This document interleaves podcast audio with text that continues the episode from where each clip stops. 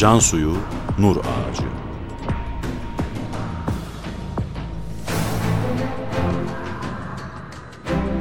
Metin Yusuf Ziya Özkan. Yöneten Ömer Parlak.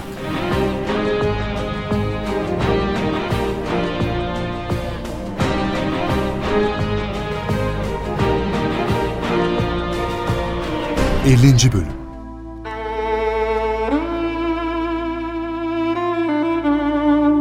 Bediüzzaman bu son dersinde talebeleri ve dostları ile vedalaşır da açık açık konuşur.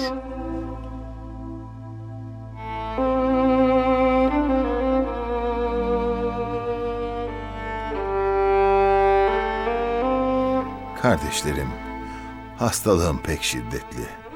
Belki pek yakında öleceğim. Veyahut bütün bütün konuşmaktan men edileceğim. Onun için benim nur ahiret kardeşlerim, ehvenü şer deyip bazı biçare yanlışçıların hatalarına hücum etmesinler. Daima müsbet hareket etsinler. Menfi hareket vazifemiz değil. Madem siyasetçilerin bir kısmı Risale-i Nur'a zarar vermiyor, az müsaadekardır, ehvenü şer olarak bakınız. Daha azam şerden kurtulmak için onlara zararınız dokunmasın, onlara faydanız dokunsun.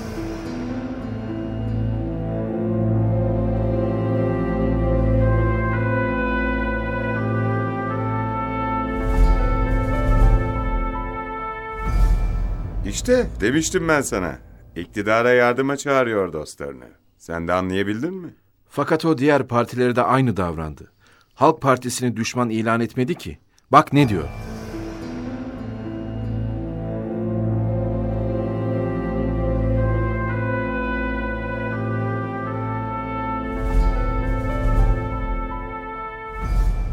Mesela bir parti bana binler veçhiyle sıkıntı verdiği halde, hatta 30 sene hapislerde, taziklerde bulundurduğu halde hakkımı helal ettim.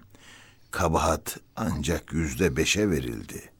O aleyhimizdeki partinin şimdi hiçbir cihetle aleyhimizde şekvaya hakları yoktur.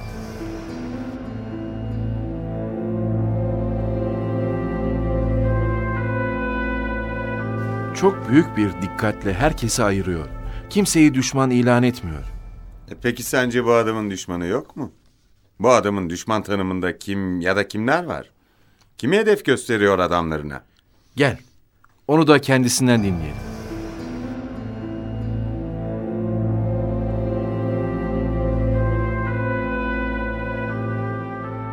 Kardeşlerim, ben de öleceğim.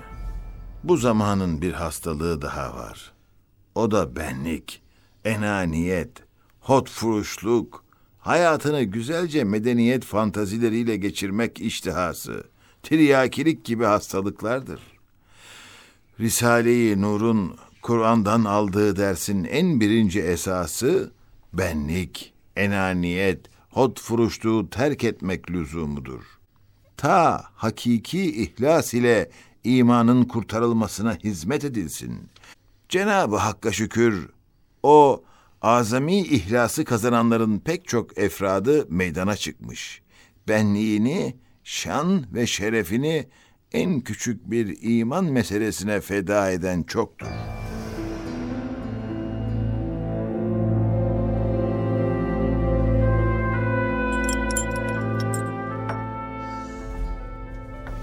Anlayabildin mi? Bencillik neden düşman olsun ki? İnsanda bencillik olmazsa hiçbir şey yapmaz. Yaparmış. Allah için yaparmış. Bunun tadı da çok başka olurmuş. O zaman insan kendisi için değil, başkaları için yaşarmış. Ve ihmal edilen kimse kalmazmış. Bediüzzaman anladığım kadarıyla böyle diyor. Neden çevresine o kadar adam topluyor öyleyse? O mu topluyor yoksa toplanıyorlar mı? Onu bunu bilmem ben. Bak dün İsmet Paşa mecliste bir konuşma yaptı ve iktidara dedi ki siz şeriatı ortlatıyorsunuz, irticayı ortlatıyorsunuz. Bediüzzaman'ı onun için gezdiriyorsunuz dedi. Peki başvekilin buna ne dediğini biliyor musunuz? Ne demiş? Ne diyebilir? Demiş ki, Allah aşkına paşa niçin bu kadar dinden, dindarlardan rahatsız oluyor? Öleceğini bilmiyor mu? Şimdiye kadar kendisine ne zararları dokunmuş? Bütün hayatını dine vakfetmiş bir piri faniden ne istiyor? Niçin eziyetinden hoşlanıyor? Niçin meşakkat çekmesinden hoşlanıyor? Niye bu kadar dine ve dindarlara karşı anlamıyorum demiş. Tam da senin düşüncelerin işte. İçinden bir oh çekmişsindir herhalde. Bana bak. Biz bu işin peşini bırakmayacağız. Ya gerekli tedbirleri alırlar ya da Ötesini getiremediniz. Gereken yapılamazsa ya da istediğimiz gibi yapılmazsa ötesini o zaman hep beraber göreceğiz. Ben bu kadar söylerim. Paşa ayrıca demiş ki sizi ben dahi kurtaramam. Anlayabiliyor musun? Bu kadar.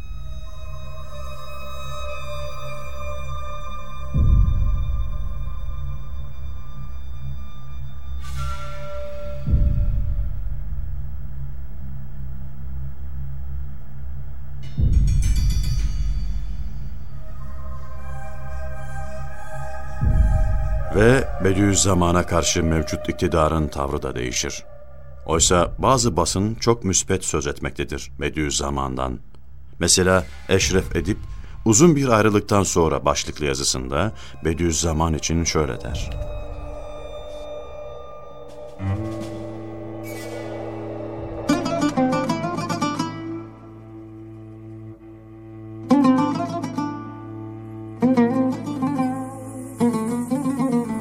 Üstad'la tanışalı seneler oldu. O zamanlar hemen her gün idarehaneye gelir, Akifler, Naimler, Feritler, İzmirlilerle birlikte saatlerce tatlı tatlı müsahabelerde bulunurduk. Üstad kendine mahsus şivesiyle yüksek ilmi meselelerden konuşur, onun konuşmasındaki celadet ve şehamet bizi de heyecanlandırırdı. Harikulade fıtri bir zeka, ilahi bir mevhibe temizliğe fevkalade itina eder. Kağıt parayı tutmaz ve üzerinde taşımaz. Mamelek namına dünyada hiçbir şeyi yok. Kendi için yaşamaz. Cemiyet için yaşar.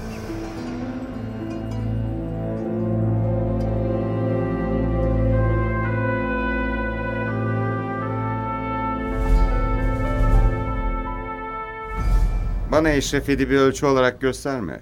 Çünkü o da onlardan. Eşref Edip yazısında Bediüzzaman'ın geleceği nasıl değerlendirdiğini soruyor ve Bediüzzaman cevap veriyor.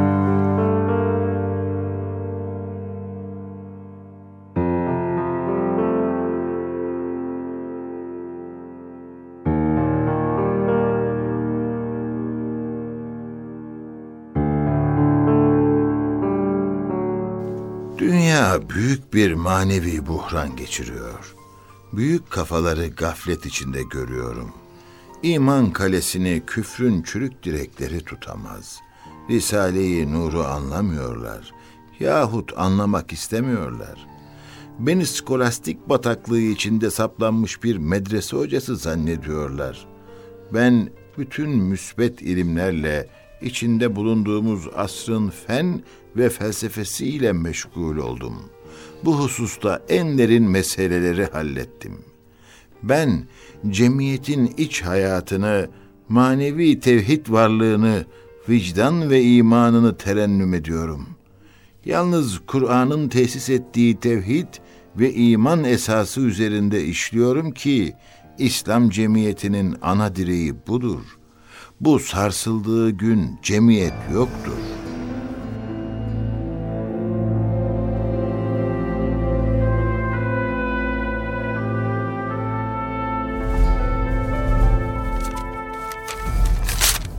Hep aynı şeyler. Hep Kur'an, hep iman. Başka meselesi yok ki. Bediüzzaman bu konuları önemsiyor. Toplum hayatı için bunların önemine işaret ediyor.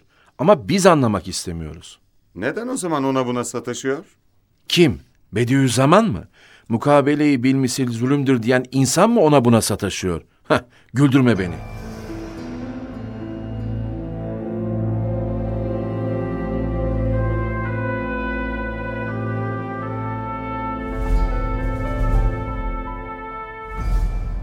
Bana şuna buna niçin sataştın diyorlar. farkında değilim. Karşımda müthiş bir yangın var. Alevleri göklere yükseliyor. İçinde evladım yanıyor. İmanım tutuşmuş yanıyor. O yangını söndürmeye, imanımı kurtarmaya koşuyorum. Yolda biri beni kösteklemek istemiş de ayağım ona çarpmış. Ne ehemmiyeti var. O müthiş yangın karşısında bu küçük hadise bir kıymet ifade eder mi? Dar düşünceler, dar görüşler. Sizi yanlış değerlendirdiler. Beni nefsini kurtarmayı düşünen hodgam bir adam mı zannediyorlar? Ben cemiyetin imanını kurtarmak yolunda dünyamı da feda ettim, ahiretimi de. 80 küsur senelik hayatımda dünya zevki namına bir şey bilmiyorum. Bütün ömrüm harp meydanlarında, esaret zindanlarında yahut memleket hapishanelerinde, memleket mahkemelerinde geçti. Çekmediğim cefa, görmediğim eza kalmadı. Divan-ı harplerde bir cani gibi muamele gördüm. Bir serseri gibi memleket memleket sürgüne yollandım. Memleket zindanlarında aylarca başka insanlarla konuşup görüşmekten men edildim. Defalarca zehirlendim. Türlü türlü hakaretlere maruz kaldım. Zaman oldu ki hayattan bin defa ziyade ölümü tercih ettim. Eğer dinim intihardan beni men etmeseydi, belki bugün Said topraklar altında çürümüş gitmişti.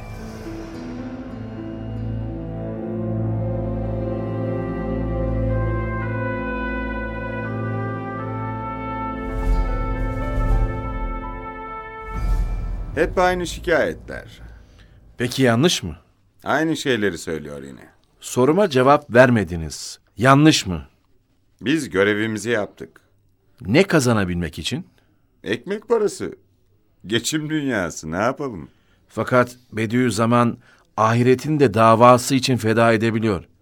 Bak işte Eşref Edip'e verdiği cevapta ne diyor?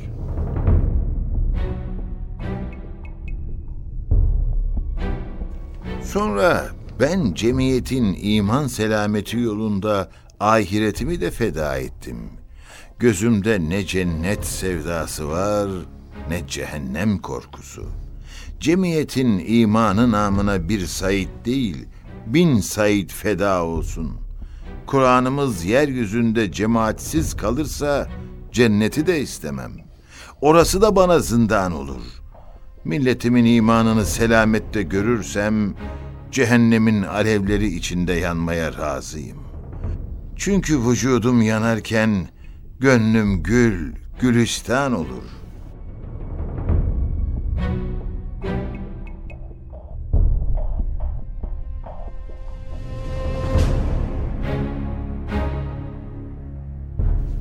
Böylesine her şeyi göze alan bir insanın küçük hesapları olsa ülkeye nasıl zarar verir düşünebiliyor musun? Aslında biz de hep bundan korktuk. Bak Osman Yükselser'den geçti onun hakkında ne demiş? Bana bu adamı methedip durma yeter artık. Vazifemizi yapıyoruz. Basını takip ediyoruz. Emir böyle değil mi? Sen biraz aşırı gidiyorsun. Sanki sempati duyuyorsun. Sadece tarafsız olmaya çalışıyorum. Bak ne diyor Serden geçti. Etrafı 8 yaşından 80 yaşına kadar bütün nesiller tarafından sarılmış. Yaşlar ayrı, başlar ayrı, işler ayrı. Fakat bu ayrılıkta gayrılık yok. Hepsi bir şeye inanmış. Allah'a, alemlerin Rabbi olan Allah'a ve onun ulu peygamberine, onun büyük kitabına. Kur'an henüz yeni nazil olmuş gibi, herkes aradığını bulmuş gibi bir hal var onlarda. Böyle mi diyor gerçekten? Dur kesme, devam ediyorum. Said Nur ve talebelerini seyrederken insan kendini saadet asrında hissediyor. Yüzleri nur, içleri nur, dışları nur, hepsi huzur içindeler. Temiz, ulvi, sonsuz bir şeye bağlanmak, o yolda her yerde hazır, nazır olana, alemlerin yaratıcısına bağlanmak, yürümek, o yolun kara sevdalısı olmak. Evet, ne büyük saadet. Yeter dedim. Kes Allah aşkına. Bu tür yazıları okumak zorunda mıyız ille de? Yeter. Bu dünyada böyle sevilmeyi istemeyecek bir adam var mıdır acaba?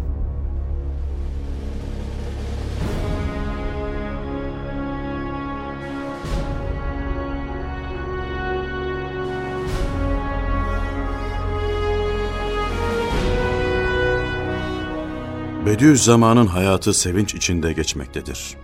Risale-i Nurlar basılmakta, formalar kontrol için Bediüzzaman'a getirilmektedir. Bediüzzaman bunları gördükçe şöyle demektedir.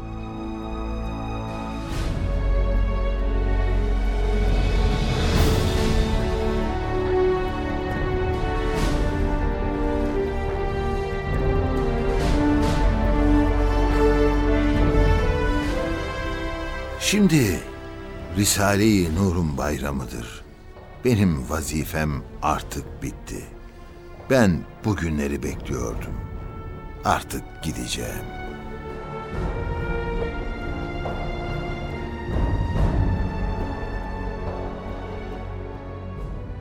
Bir yere çıksalar talebelerine hemen dönelim şimdi formalar gelmiştir.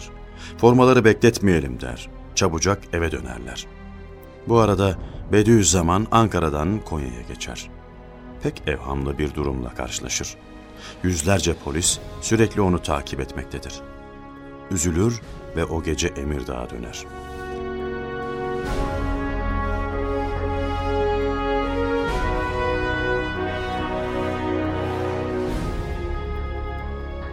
Yine Emirdağ'a geçmiş. Hani Isparta'da ikamet ediyordu? Bu ne demek oluyor şimdi? Ömrümün son günlerindeyim diyor. Hukuku olan insanlarla helalleşmesine de mi fırsat vermeyelim? Aman dikkatli olun. Ne olur ne olmaz. Kendi ifadesiyle seyahatlerinin sebebi kendisine zulmedenleri, işkence edenleri affetmek, helalleşmekmiş. Bence son derece masum. Bizi affetmez o. Hiç sanmıyorum. O eder de Allah affeder mi? Ben asıl onu kestiremiyorum. Allah'a karıştırma şimdi. Emirdağ'dan yine Ankara'ya geliyormuş. Bu olmaz. Buna karşı tedbir alınmalıdır. Alacaklar. Radyodan Emirdağ'a geri dönmesi tavsiye edilecek. Arabada radyodan dinler ve döner.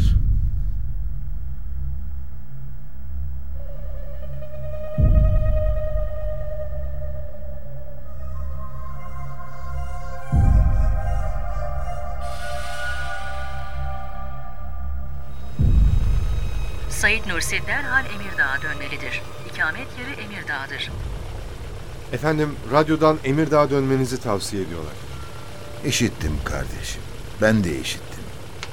Türkiye'nin umum vilayet ve kazaları içinde Emirdağ'da ikamet edebilirmişim. Duydum. Devam et. Ankara'ya gidiyoruz. Dönmeyeceğiz.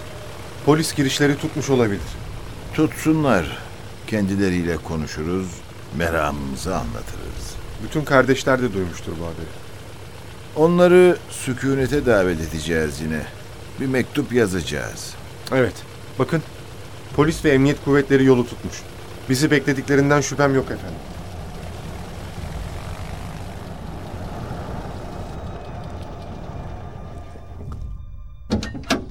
Efendim, çok özür dilerim. Hükümetin emri var. Emirdağ'a dönmeniz gerekiyor. Lütfen, radyodan dinlemişsinizdir. Ben bu kararı dinlemiyorum. Binlerce talebem beni Ankara'da bekliyor. Oraya gideceğim. Hükümeti zor duruma düşürmeyin efendim. Ben hükümeti tanımıyorum. Siz tanımayabilirsiniz efendim. Fakat benim durumumu düşünün ve bana acıyın. Lütfen. Haklısın kardeşim. Peki. O halde senin hatırın için geri dönüyorum. Sadece senin hatırın için. Çok teşekkür ederim efendim. Sağ olun. Var olun. Dönelim Hüsnü. Emirdağ'a dönelim. Madem müsbet hareket ediyoruz, yine müsbet davranalım. Dön. Gidiyoruz.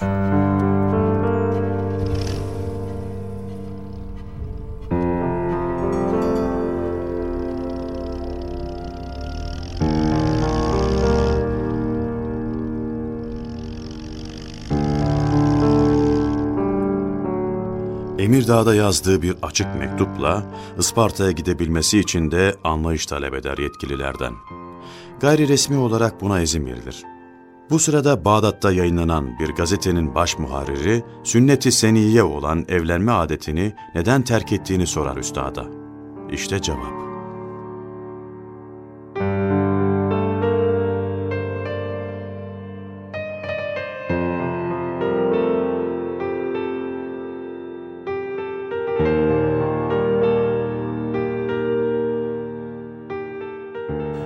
40 seneden beri dehşetli bir zındıka hücumu karşısında her şeyini feda edecek hakiki fedakarlar lazım geldiği bir zamanda Kur'an-ı Hakim'in hakikatine değil dünya saadetini belki lüzum olsa ahiret saadetini dahi feda etmeye karar verdim. Değil bir sünnet olan muvakkat dünya zevceleri belki bu dünyada on huri de bana verilseydi bırakmaya mecburdum ki hakiki bir ihlas ile Kur'an hakikatlerine hizmet edebileyim. Çünkü bu dehşetli dinsizlik komiteleri öyle dehşetli hücumları ve desiseleri yapıyorlar ki azami fedakarlık ve rızayı ilahiden başka dini hareketini hiçbir şeye alet yapmamak lazım geliyordu. Biçare bir kısım alimler ve ehli takva insanlar çoluk çocuğunun maişet derdi için bazı şeylere boyun eğdiler. Ben bir sünneti seniye olan evlenmek adetini terk ettim ki ta haramlara girmeyeyim ve çok vacipleri ve farzları yapabileyim. Bir sünnet yüzünden yüz günaha girilmez.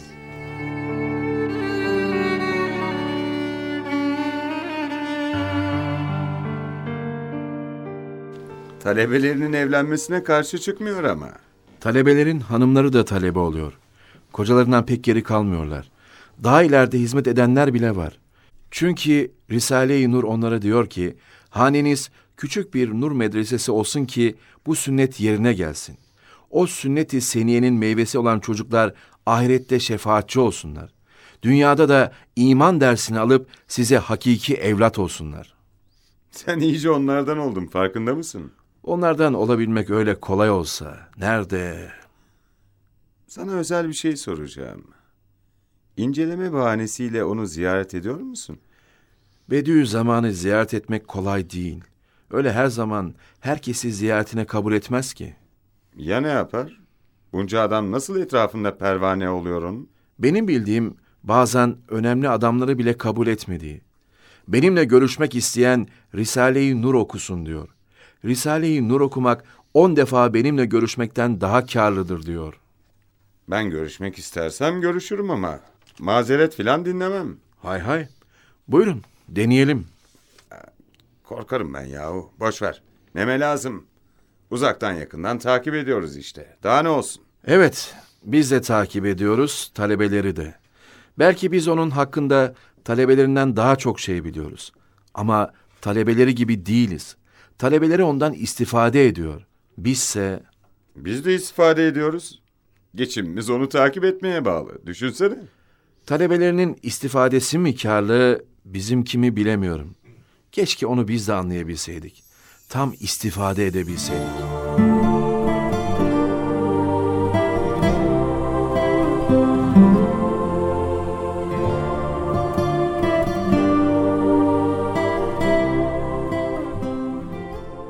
Bediüzzaman'a göre iman sırlı bir güç kaynağıdır.